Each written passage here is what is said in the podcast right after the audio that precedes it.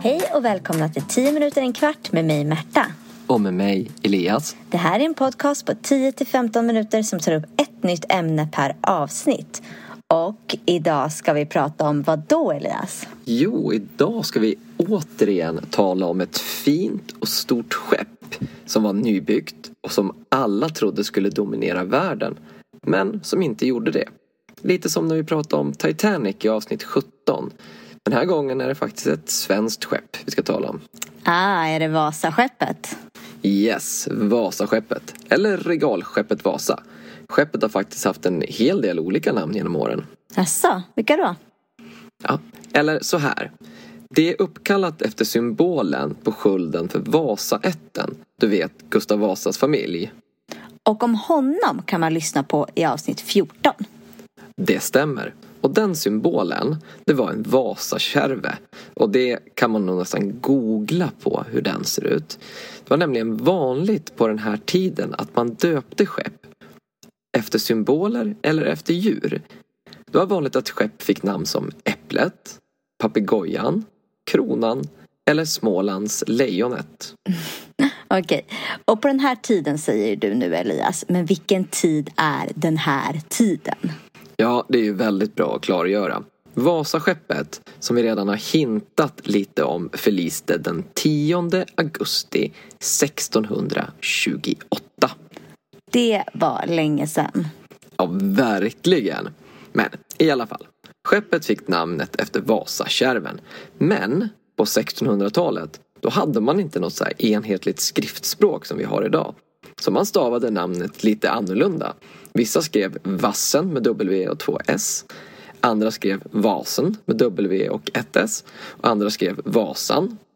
Men alla skrev med W, men annars kunde stavningarna vara lite hur som helst. Fanns det alltså inga regler kring hur man skulle skriva på 1600-talet? Nope, det var bara lite fritt fram och stava som man kände och ville.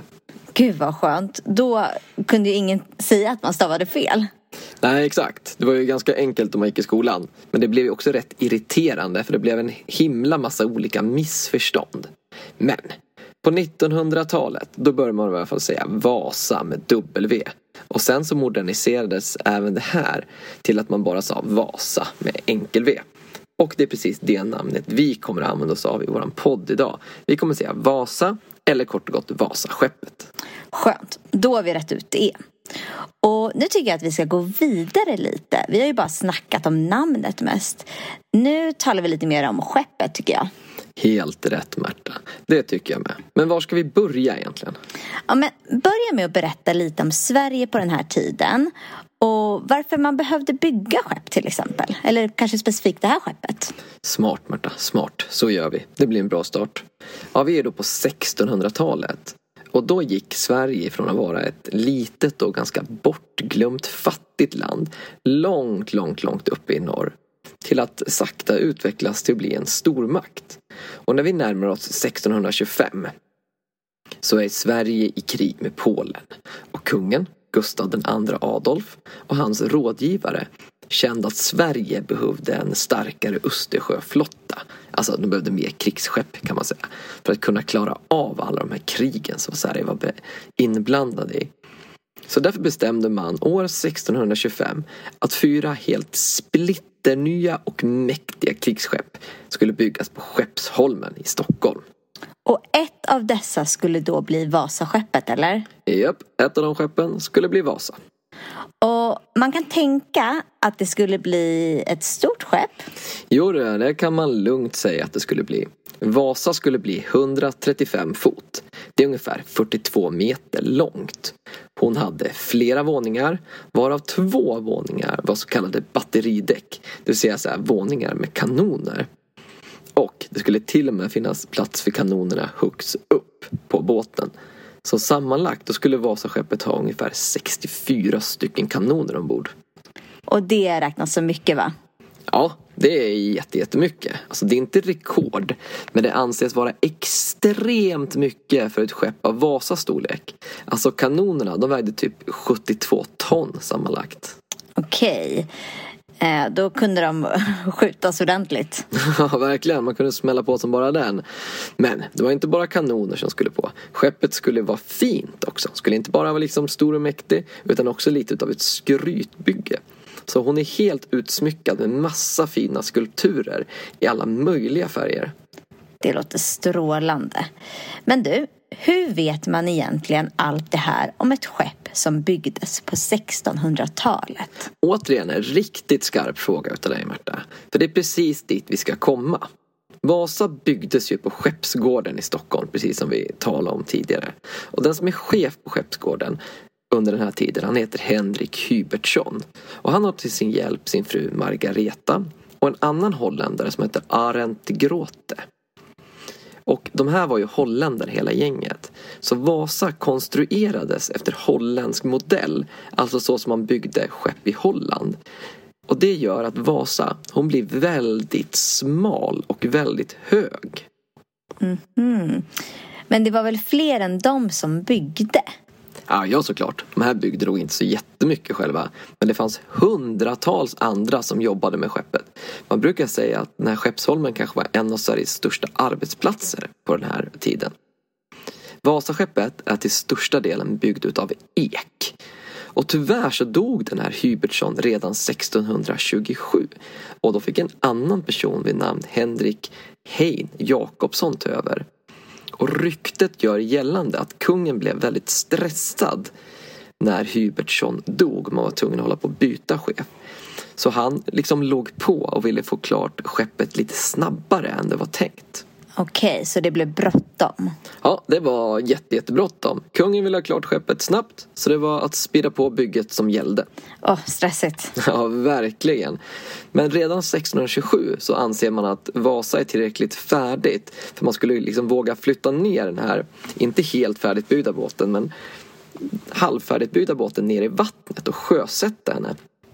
Och så fortsatte man bygga på henne när hon liksom låg i vattnet. Och 1628 på våren, då hade man kommit så långt som man kunde göra ett stabilitetstest utav henne. Vad bra! Smart att testa innan vi gör klart ju. Ja, det kan man verkligen tycka att det är. Och då gjorde man så här att man lät 30 stycken sjömän, alltså sådana som seglar på båtar, springa från sida till sida på skeppet för att se att hon skulle liksom börja vicka och gunga för att se hur stabil hon kunde vara. Okej, okay. och vad hände? Det var katastrof kan man sammanfatta det som. Hon bara grängde som bara den. Och man fick liksom avbryta efter man bara hade sprungit tre vändor. Skeppet var långt ifrån tillräckligt stabilt och höll på att sjunka medan de gjorde det här testet. Då kan man ju misstänka att de börjar bygga om, inte sant? Det skulle man kunna misstänka och det är lite här vi börjar ana problemen. Eh, för ingen av de här byggmästarna vi har talat om tidigare, de var ens med när testet gjordes. Dock så var den som skulle bli kaptenen på Vasaskeppet med och den som var chefen för hela svenska flottan, alltså alla krigsskepp. Och han hette Flem Flemming. Och enligt vittnesmål så ska han ha sagt när han såg det här stabilitetstestet och att det inte alls gick något bra att han önskade att kungen var här så han kunde ta ett beslut vad de skulle göra. För nu i efterhand så verkar det nämligen som att ingen vågade riktigt berätta det här för kungen. Att det här, de här testerna misslyckades. Så han visste liksom ingenting om det här. Men så man gjorde liksom inget utan man bara fortsatte som om ingen hade hänt eller vadå? Ja, lite så. Det är ungefär det som händer faktiskt. och då kom vi då till den här 10 augusti 1628. Det är en söndags eftermiddag. Och man kastar loss med pompa och ståt inne i Stockholm. Skeppet ligger vid slottet Tre Kronor. Eh, det är ett gammalt slott som har brunnit ner.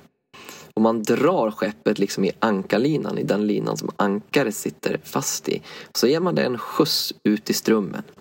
Och det här är en stor händelse på den här tiden. Det är jättemånga som är där och tittar på.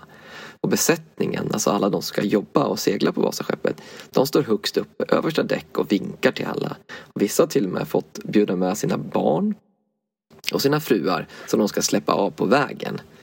Och det är faktiskt så att mängder av folk har tagit sina egna småbåtar och följer efter Vasa på jungfruresan. Och precis när hon håller på att segla ut, då händer det.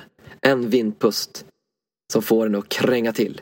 Och hon börjar luta åt babord, alltså vänster sida. Hon blir nästan liggande så här. Men sen lyckas hon stabilisera sig och segla vidare. Vilken tur. Ja, men det skulle komma mer.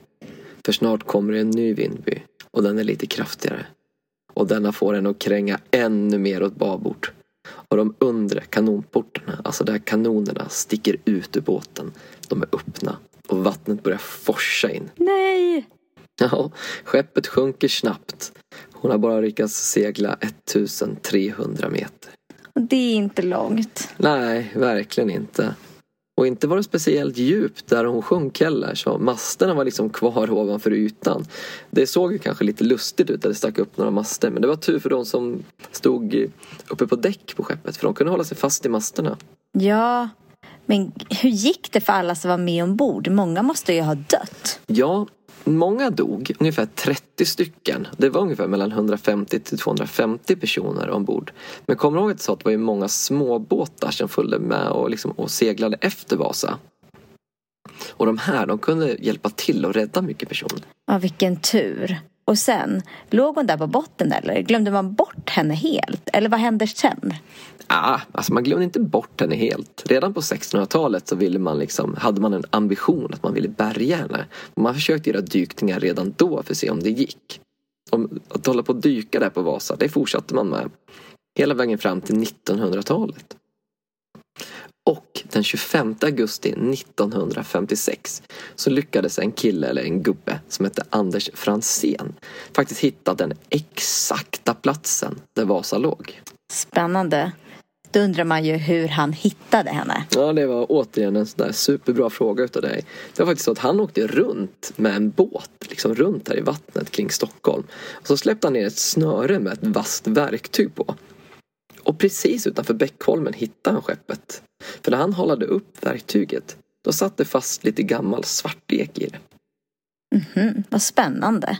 Och efter det bärgade man Vasa.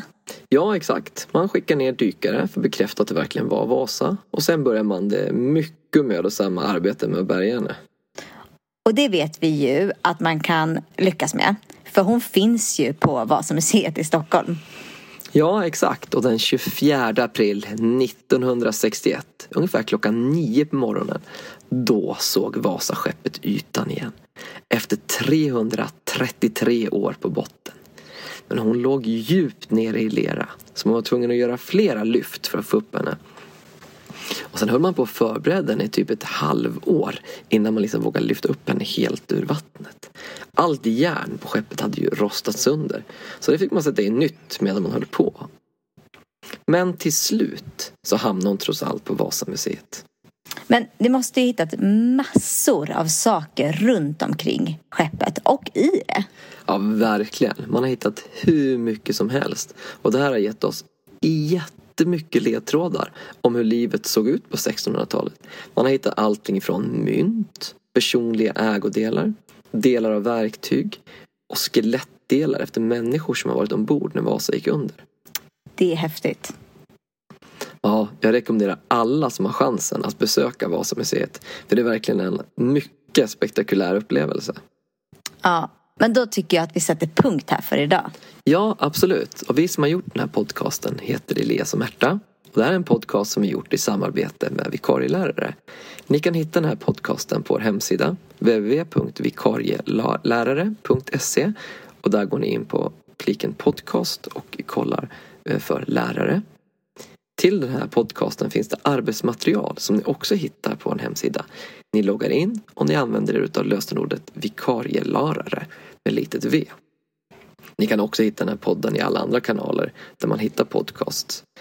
Vi vill också passa på att påminna att vi finns på Facebook.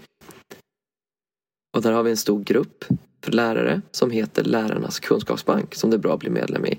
Och så finns vi på Instagram som vikarielärare. Gå in och följ oss där. Tack så mycket. Tack, tack. Hej.